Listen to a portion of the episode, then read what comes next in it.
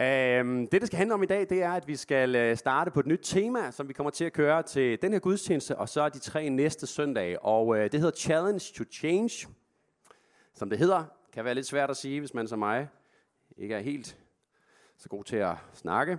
Øhm, og øh, vi har lavet os inspirere til det her tema, fordi at det også er temaet på den konference, som der kommer op her om en tre ugers tid. Og jeg tænkte bare lige på at først lige at fortælle en lille smule om den her konference, fordi jeg har på fornemmelsen, at jeg tror, der er rigtig mange af os øh, her i kirken, som går og overvejer, om det egentlig er noget for mig at tage med på den her konference. Så må jeg bare sige, ja, det er noget for dig at tage med på den her konference. Fordi Vineyard Nordic Summit, det er ligesom den korte forklaring, nu kommer den lidt længere, det er, at Vineyard Nordic Summit, det er vores, øh, det, en af de få gange om året, hvor vi mødes med hele Vineyard-familien fra Sverige, Norge, Danmark og Finland. Det er i sig selv festligt, Udover det, så er det altså bare øh, et, en oplagt mulighed for at sætte noget tid af til at prioritere Gud, prioritere sit liv med Gud, prioritere at komme lidt dybere med Gud.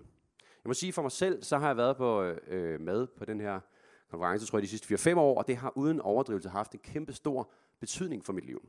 Både i de store ting, sådan noget med, om hvad skal retningen for mit liv være, og mit åndelige liv og sådan nogle ting, men også faktisk i de helt små, konkrete og praktiske ting, altså ting, som faktisk betyder noget øh, for mit hverdagsliv.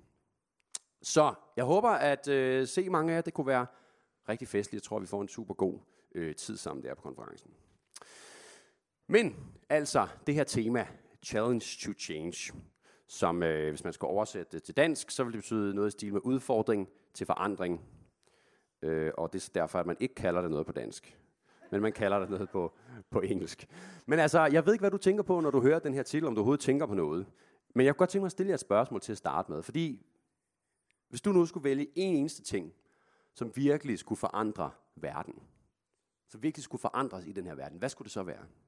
Hvis du kunne ønske en eneste ting for alle mennesker, hvad skulle det så være, ikke? Ja, uh, der er nogen, der allerede er lidt, lidt foran her, vil jeg sige. Måske har I hørt talen i morges? Eller? Nej. Men øh, altså, det kunne være, det kunne være, at der er nogle ting, om det, øh, det er fred i verden, eller Øh, det kunne være, at det var noget lidt mere jordnært, som øh, sådan noget med, at alle kunne få en uddannelse, eller at øh, alle mennesker hver dag kunne spise sig med det. Og det er jo også helt sikkert gode ting. Men jeg ved godt, øh, hvad jeg vil mene. Og der var nemlig, jeg synes, der var nogen, der sagde det hernede, sagde noget med kærlighed. Og øh, det er fordi, det er på en måde lidt snyd, ikke? men de, det, som jeg vil ønske for alle mennesker, det er på en måde to ting. Så det er lidt snyd. Men øh, nummer et, så vil jeg ønske for alle mennesker, at de fik en dyb erkendelse af, hvor elskede de faktisk er. At alle mennesker en gang for alle forstod, hvor højt Gud faktisk elsker dem. Og dernæst som nummer to, så vil jeg ønske, at vi alle sammen kunne gøre, ligesom Jesus han opfordrer os til at gøre, nemlig at elske vores næste som os selv. Og nu har jeg sat det op som to ting her, men på en eller anden måde, så er det en og samme ting. Ikke? Fordi de er uløseligt forbundne.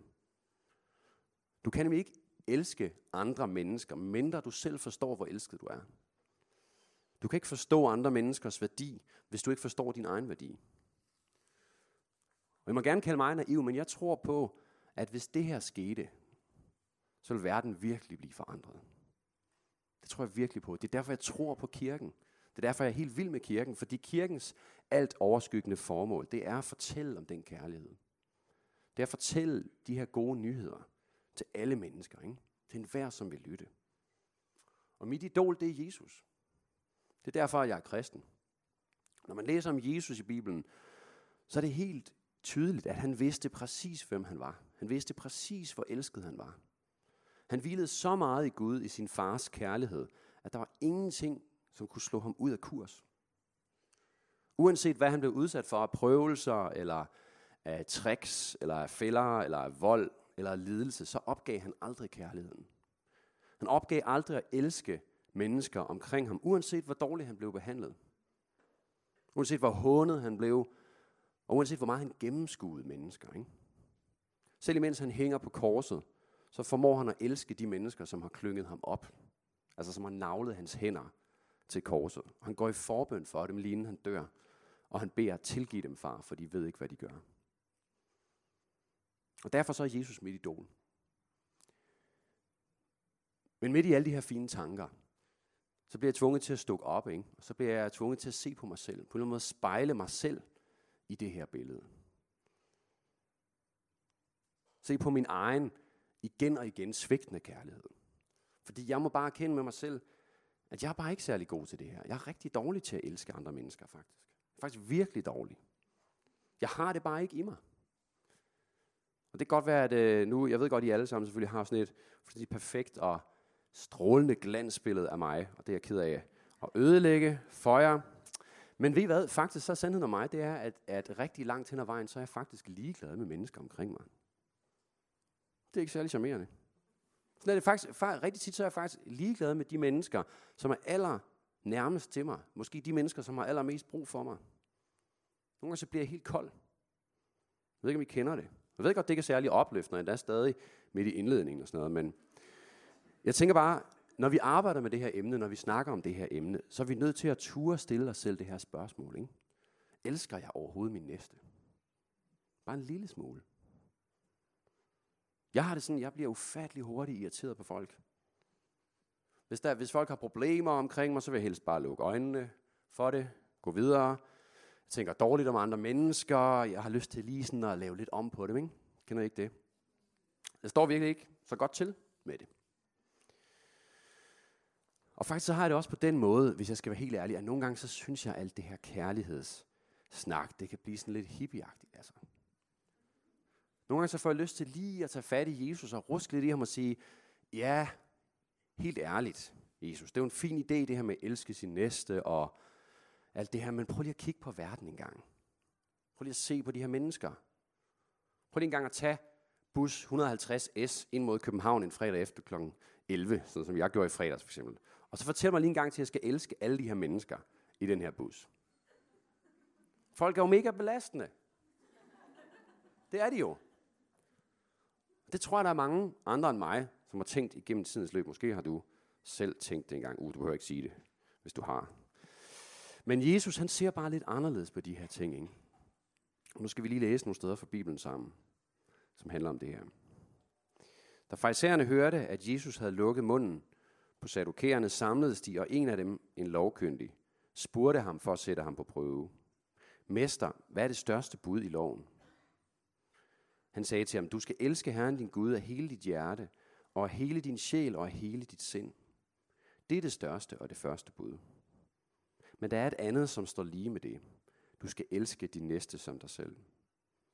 På de to bud hviler hele loven og profeterne. Og så læser jeg lige fra 1. Johannes brev, kapitel 4, hvor der står sådan her. Hvis nogen siger, jeg elsker Gud, men hader sin bror, er han en løgner. For den, der ikke elsker sin bror, som han har set, kan ikke elske Gud, som han ikke har set. Ja tak.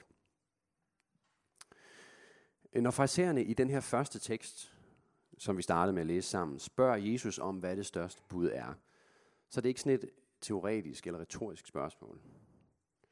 Farisæerne, og specielt for de lovkyndige, så galt den sandhed, at de byggede hele deres liv på Toraen, på loven. Og derfor så svarer det lidt til, at det de egentlig spørger Jesus om, det er, hvad er meningen med livet? Hvad er uden sammenligning det absolut aller, aller vigtigste i et menneskes liv? Det er på en eller anden måde det, de spørger ham om. Og den første del af Jesus svar, det kommer helt som de har forventet det, tror jeg. Helt efter bogen, ikke? Du skal elske Herren din Gud af hele dit hjerte, af hele din sjæl og hele dit sind. På det tidspunkt så forestiller mig, at samtlige farisæer har stået med et lille selvfedt smil og nikket bedre viden og sådan noget. Ikke? Fordi det er de alle sammen helt enige i. Det er de rørende enige i. Det er det, de har bygget hele deres liv op på. De føler sig helt sikre på, at her er de helt på hjemmebane. Ikke? Men det der er med det her bud, det første bud, du skal elske Herren din Gud af hele dit hjerte og hele din sjæl og hele dit sind, det er, at det bare på mange måder er så utrolig abstrakt, så længe det står for sig selv. Og det er lidt et problem, men det kan også være ret bekvemt. Fordi hvordan kan nogen bevise, om man elsker eller ikke elsker Gud af hele sit hjerte, hele sin sjæl og hele sit sind? Hvordan kan du kontrollere, om en anden gør det, for eksempel? For farisæerne og de religiøse jøder, så havde det ført til en fuldkommen misforstået overfokusering på resten af loven. De simpelthen fuldstændig misforstået, hvordan man faktisk udlevede det første bud. De havde sat lighedstegn imellem det at elske Gud, og det at overholde loven på en sådan helt fascistagtig måde, hvor alt kunne måles og vejes og kontrolleres, og hvor konsekvensen deraf bliver, at man faktisk i egen kraft gør sig fortjent til Guds accept. Så får man en religion, som nok er ret streng, men som samtidig er helt utrolig dejlig, konkret og målbar, og man kan vide sig sikker på, om man gør alting rigtigt. Ikke? Men Jesus han stopper bare ikke der, vel, efter han har sagt det første bud. Han fortsætter. Men der er et andet, som står lige med det. Du skal elske din næste som dig selv. På de to bud hviler hele loven og profeterne. Og i det han tilføjer det her, så synes jeg, man kan nærmest fornemme, hvordan smilet blegner hos tilhørende. Fordi det, som altid har været deres sikre holde på en selve fundamentet for den måde, de har levet deres liv på, det er som om den langsomt, men sikkert begynder at smuldre væk under dem. Fordi for dem så handlede det med at elske Gud om at følge de religiøse regler, og på den måde at kunne hæve sig over andre mennesker. Måske se ned på andre mennesker, og vide med sig selv, jeg er i hvert fald bedre end ham der. Jeg er i hvert fald mere Guds frygtig end hende der. Men Jesus siger bare helt ekstremt tydeligt, at det at elske Gud, det hænger uløseligt sammen med det at elske mennesker. Han siger faktisk indirekte, at det slet ikke er muligt at elske Gud, uden også at elske mennesker. Og han siger videre, bare, bare virkelig at understrege det, ikke? på de to bud hviler hele loven og profeterne. Og det vil sige, at alle de resterende bud, det vil sige hele resten af loven, skal faktisk læses igennem de her to bud. Hele resten at Toraen skal læses med de her to bud som fortolkningsnøgle. Og når faxererne for eksempel, sådan som de gjorde nogle gange, øh, gør det, at de erklærer deres ejendom for korban. Det var noget, man gjorde, fordi så kunne man ligesom tilsidesætte det til templet. Så betyder det, at noget er helligt. Der var bare det ved det, at øh, der var ikke rigtig nogen regel for, hvornår man ligesom skulle give det. Det vil sige, man havde det ligesom, indtil man selv besluttede, at man så skulle give det til templet. Men på den måde, så kunne de så øh, komme udenom for eksempel at understøtte, understøtte deres far og deres mor økonomisk. Så det de faktisk gør der, og som Jesus påpeger direkte et andet sted i Matteus evangeliet, det er, at det er jo fuldstændig misforstået. Det er faktisk en udnyttelse af det her første bud. Så fraisererne, de bliver faktisk lidt pist over for det her. Og på en måde, så må jeg bare indrømme for mig selv, at jeg kan godt forstå det lidt altså. Fordi hvordan kan Jesus egentlig tillade sig at kommandere, at jeg skal elske andre mennesker? Er det ikke sådan lidt voldsomt? Er han overhovedet klar over, hvad det er, han beder mig om? Og når Johannes siger sådan, som vi læste, hvis nogen siger, jeg elsker Gud, men hader sin bror, er han en løgner, for den, der ikke elsker sin bror, som han har set, kan ikke elske Gud, som han ikke har set. Hvordan skal det så forstås? Hvordan kan han sammenligne kærlighed til Gud med kærlighed til andre mennesker? Men Gud han er jo perfekt, ikke? Gud er evig. Gud han er hellig. Og vi mennesker er jo netop det modsatte. Så hvordan kan han sætte lighedstegn imellem det at elske Gud og elske andre mennesker? Man fristes til at spørge, om han overhovedet kender de her mennesker. Ikke? Altså fint nok Gud, at du tænker meget positivt om menneskeheden, og ved godt, du efter sine har skabt os i dit eget billede og sådan noget, men er du rent faktisk klar over verdens tilstand? Jeg tænker, at Gud er ligesom sådan en syg hundeejer, fuldstændig blottet for virkelighedssans. I kender den godt sådan, bare rolig Rocky, han bider ikke, han vil bare lege. Han er faktisk en meget kærlig hund, og så kommer der sådan en fuldstændig ravne, sindssyg kamphund løvende imod dig med frode om munden. Ikke? Hvor tit er det lige, tænker jeg bare, at Gud han tager bus 150 S fredag aften kl. 11 på vej mod København. Så hvordan er det, at jeg skal elske de her mennesker, når der ikke er noget som helst elskværdigt i dem? Men ved I hvad, den her tanke, det siger mere om mig, end det siger noget andet. Fordi det er lige præcis det, der er hovedsendelsen af problemet. Ikke? Det er det her, der er sagens kerne, fordi det afslører, at vores forståelse af det at elske, det er helt på hovedet, det er bare helt bagvendt. For at forstå, hvad kærlighedens sande natur er, så er vi nødt til at forstå, hvordan Gud elsker. Fordi Gud er kærlighed. Det står der flere steder i Bibelen. Det vil sige, at Gud han ikke bare elsker, Nej, Gud han er kærlighed. Hans natur og hans essens er kærlighed. Kærlighed det gennemsyrer selve hans væsen. Alle hans øvrige karaktertræk. Også hans vrede. Så hvad er det egentlig, som gør, at Gud han elsker dig og mig? Bunder det i os? Bunder det i, at vi selv har gjort os fortjent til hans kærlighed? Eller bunder det ikke så meget mere i Gud? Bunder det ikke netop i, at Gud er kærlighed? At Guds natur er at elske? Man fristes til at spørge, betyder det så, at Gud faktisk slet ikke kan lide os? At hans kærlighed det er sådan en slags, det er bare sådan en beslutning på trods? Og på en måde ja og nej. Fordi i virkeligheden, så er det langt bedre og større, end at Gud han kan lide os. Det er langt større end det. Hvis du elsker nogen, fordi de er søde nok, eller nogle nice mennesker, eller de får dig til at have det godt med dig selv, så er det jo fint nok, ikke? Men hvis nogen elsker dig, på trods af, at du nogle gange er en skider ikke, på trods af, at du igen og igen brænder dem af, på trods af, at du faktisk på ingen måder lever op til deres standard, er det så ikke langt større? I Romerbrevet står sådan her, der er næppe nogen, som vil gå i døden for en retfærdig. Måske vil man våge livet for en, som er god. Men Gud viser sin kærlighed til os ved, at Kristus døde for os, mens vi endnu var syndere. Helle, som er præst her i kirken og er på barsel lige nu, hun er sådan meget snedig dame, ikke? Og hun var så snedig, at her i øh, november, da Martin og jeg blev indsat som præster, så gav hun mig, øh, ikke en kamphund, nej, men en bog af Søren Kirkegaard. Fordi ham kan hun godt lide. Og øh, i lang tid så løste mig at holde stand imod den. Jeg modstod fristelsen, selvom den stod og kiggede ømt på mig på boghylden. Men til sidst så måtte jeg give efter for den her for et par uger siden. Og jeg har derfor læst lidt i den. Og det skulle så vise sig allerede nu, to uger efter at have læst lidt i den, så sniger den sig ind i den her prædiken. Ikke?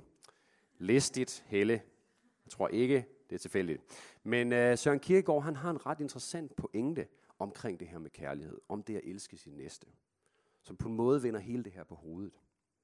Han fortæller en historie om to kunstnere, to portrætmalere, og den ene drager ud i verden for at opsøge og finde de allersmukkeste mennesker. Det allermest sublime, det perfekte ansigt og for evigt det i hans malerier. Men ak, han finder aldrig noget, som opfylder hans kriterier. Fordi hvert eneste ansigt, han møder, så finder han en lille fejl, som gør, at han ikke kan male det. Den anden maler derimod, han betragter ikke sig selv som den store kunstner. Han kommer aldrig ud på nogen stor rejse, fordi han har nemlig så travlt med at male de mennesker, han møder omkring sig. Hans allernærmeste. Fordi, som han siger, i blandt dem har jeg ikke fundet et eneste ansigt så ubetydeligt eller så fejlfuldt, at jeg ikke kunne afdække det en skønnere side og opdage noget forklaret i det. Og Kirkegaard han slutter med at stille spørgsmålet. Hvem af disse to var egentlig den store kunstner? Var det ikke netop ham, som ikke kunne finde et eneste ansigt, som han ikke fandt værdigt til at blive malet? Var det ikke netop ham, der var den store kunstner? Og på samme måde, siger Kirkegaard, er det med kærlighed til vores næste. Og er det med Guds kærlighed til os. Udfordringen er ikke, som den første maler tror, at finde nogen eller noget, som vi kan elske, som er værdigt til vores kærlighed, men Tværtimod at elske det, vi finder. Det, som er os givet. Vores medmennesker. Vores næste. Vi elsker, fordi Gud elskede os først. Og netop derfor kan Jesus udfordre os til at elske vores næste. Ikke fordi vores næste er perfekt, ligesom vi ikke selv er perfekte, men fordi Gud har elsket os først, og fordi at vores kærlighed til vores medmennesker ikke bunder i dem, men faktisk i os selv i den kærlighed, vi selv har modtaget fra Gud. Kærlighed, det er lidt ligesom en gave, vi kan give, fuldstændig frivilligt, fuldstændig uafhængigt af den, som gaven skal gives til. Om du vil give din kærlighed som en gave til dine medmennesker, det begynder ikke med dem. Det begynder med dig selv. Det begynder inde i dig. Det begynder ikke i dem, som skal modtage gaven. Og Johansen siger også, deri består kærligheden. Ikke i, at vi har elsket Gud, men i at han har elsket os og sendt sin søn som et sonoffer for vores sønder. For en del år siden, så havde vi øh, her i kirken besøg af en amerikaner, som hed Eric Pickerell, og han var på det tidspunkt præst i Amsterdam Vineyard, og han fortalte en historie om hans kone, og jeg kan ikke huske så meget af den, øh, må jeg indrømme, men det, jeg kan huske, det gjorde et dybt indtryk på mig. Øh, og det var noget med, at hans kone, som hed Julia, hun igennem længere tid havde haft nogle kontroverser med et af deres øh, børn, tror jeg. I det hele taget var hun inde i en periode, øh, hvor hun ikke havde det så godt. Så en dag, da Erik kom hjem, så sagde hun det her til ham. I don't like the person I'm becoming, sagde hun. Og den her sætning, den bed sig bare fast i min hjerne. Fordi jeg kan alt for ofte genkende mig selv i det her. I don't like the person I'm becoming. Rigtig tit så har vi helt vildt travlt med så mange forskellige ting. Ikke? Med at få udrettet noget. Med at få styr på tingene. Med at gøre en forskel. Og jeg kan nogle gange godt blive bange for med mig selv, at med alle de utrolig mange ting, man skal have styr på i sit travle liv, så sætter vi på en eller anden måde os selv over styr. Vi sætter vores sjæl over styr. Der er så mange ting, vi skal leve op til. Vores job, vores krop, vores familie, vores bolig, selvudvikling. Selv vores åndelige liv kan nogle gange blive en præstation. Ikke? Men hvad nu, hvis der er noget, som er langt vigtigere end alle de her ting? Hvad nu, hvis Gud i virkeligheden ønsker allermest for dig og for mig? Ønsker før noget andet, at vi lader os forme af hans kærlighed. At vi bliver mennesker, som er så rodfæstet i hans kærlighed, at det forandrer os indefra og ud. At vi tager den udfordring op og elske vores næste som os selv. Jesus han snakker om det her hele tiden. Hele det nye testament er fyldt med de her kærlighedsbud. På et tidspunkt så spørger Jesus os, hvad gavner det et menneske at vinde hele verden, men miste sin sjæl?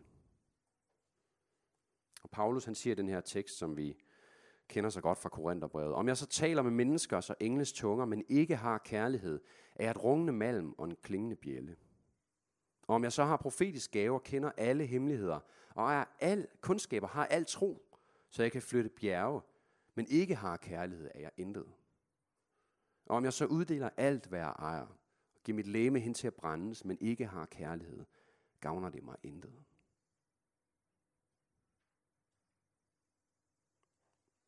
Men der var også en anden grund til, at den her sætning, som Julia hun sagde, at det blev sig fast i min hjerne, den her sætning, I don't like the person I'm becoming.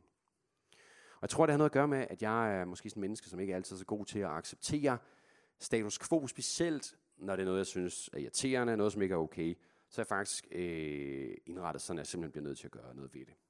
Og øh, nu bliver jeg snart 33, ligesom Jesus, og øh, jeg ved ikke, om det er alderen eller hvad, men jeg vil simpelthen ikke finde mig i, at jeg en dag om 50 år skal sidde og tænke om mig selv.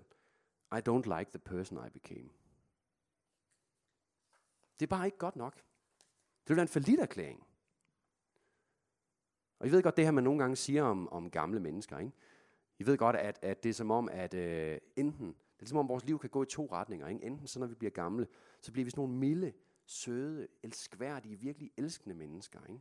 Taknemmelige. Eller nogle gange så bliver vi det modsatte. Vi bliver bedre på livet, fulde af brok, og fuldstændig blottet for kærlighed til mennesker. Ikke? Og jeg ved godt, hvad for en af de to stereotyper, jeg gerne vil ende med at være. Jeg tror på, at en af de allersværeste ting ved det her med at elske sin næste, det kan være at give afkald på sin ret til ikke at elske, hvis det giver mening. Altså det er at give afkald på sin ret til ikke at elske nogle mennesker, uanset hvem det er. Fordi det er så nemt at finde ting ved mennesker, og også ved os selv for den sags skyld, som man kan bruge imod dem, eller imod sig selv, ikke? som kan retfærdiggøre, at man ikke elsker dem. Det er så menneskeligt at holde fast i noget, Hold fast i, at nogen ikke har fortjent at blive elsket, eller at man ikke selv har fortjent det. Men det kunne bare ikke være mere forkert. Det er slet ikke sådan, det hænger sammen. Der er ikke noget i dig eller i mig, eller i noget som helst menneske, som gør, at det menneske ikke er værdigt til at blive elsket. Fordi Gud erklærer os værdige. Fordi Gud elsker os. Gud han proklamerer, ud over den samlede, faldende og forslåede menneskehed, I er top elskværdige. Hele bundet. Ikke på grund af noget jeg selv, men på grund af min kæmpe store kærlighed. Fordi jeg, som er Gud, som er altings ophav, himlens og jordens skaber, alfa og omega, fordi jeg er kærlighed. Og jeg er helt vis på, at jo mere vi forstår dybden af Guds kærlighed til os, jo mere kan vi også elske vores næste. Gud han har skabt din sure chef i sit eget billede. Har du tænkt på det? Eller hvad med øh, for eksempel at forestille sig den politiker, som du måske lige nu sidder allermest sur på, ikke? den som du bare er allermest uenig med, og bare rigtig irriterende. Ikke? Dem er der jo nogle af, eller mange af. Ja. Øh, tænk lige på, hvor højt Gud elsker dem. Tænk lige på, at Gud han erklærer det menneske for totalt top elskværdig. Og tænk lige på, Simon, at Jesus Kristus, han blev menneske, han blev pint, han blev slået ihjel på et kors, og han overvandt døden for et hvert af de mennesker, som tager bus 150S fredag aften kl. 11. Og de er måske ikke klar over det endnu, de her mennesker. Måske så ville deres liv se helt anderledes ud, hvis de var klar over, hvor højt de var elskede. Det tror jeg, det ville.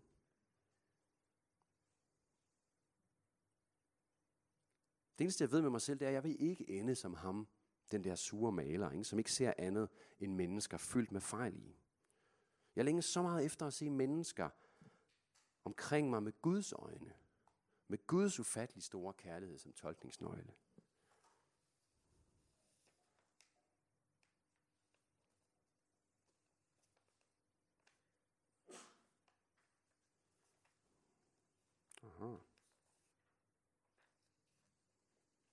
Som om jeg havde en side til. Her var den, ja. Øhm, men på en eller anden måde, ikke, når jeg tænker på mig selv i det her, så er jeg splittet, ikke? fordi på en eller anden måde, så bliver jeg bliver lidt trist. Men samtidig med det, så bliver jeg også fyldt med håb. Fordi der er et befriende håb for os, for enhver af os. Netop fordi løsningen til det her ikke er at finde inde i os selv. Netop fordi det ikke er noget, vi selv magter at gøre. Fordi løsningen den er at finde hos Gud. Det vi må gøre, det er, at vi må sætte alt ind på at leve i Guds kærlighed. På at erfare og på at kende dybden af hans kærlighed. Det er den udfordring, som Jesus han giver til enhver af os. I den her dag og alle dage. Ja, lad os stille os op og bede sammen.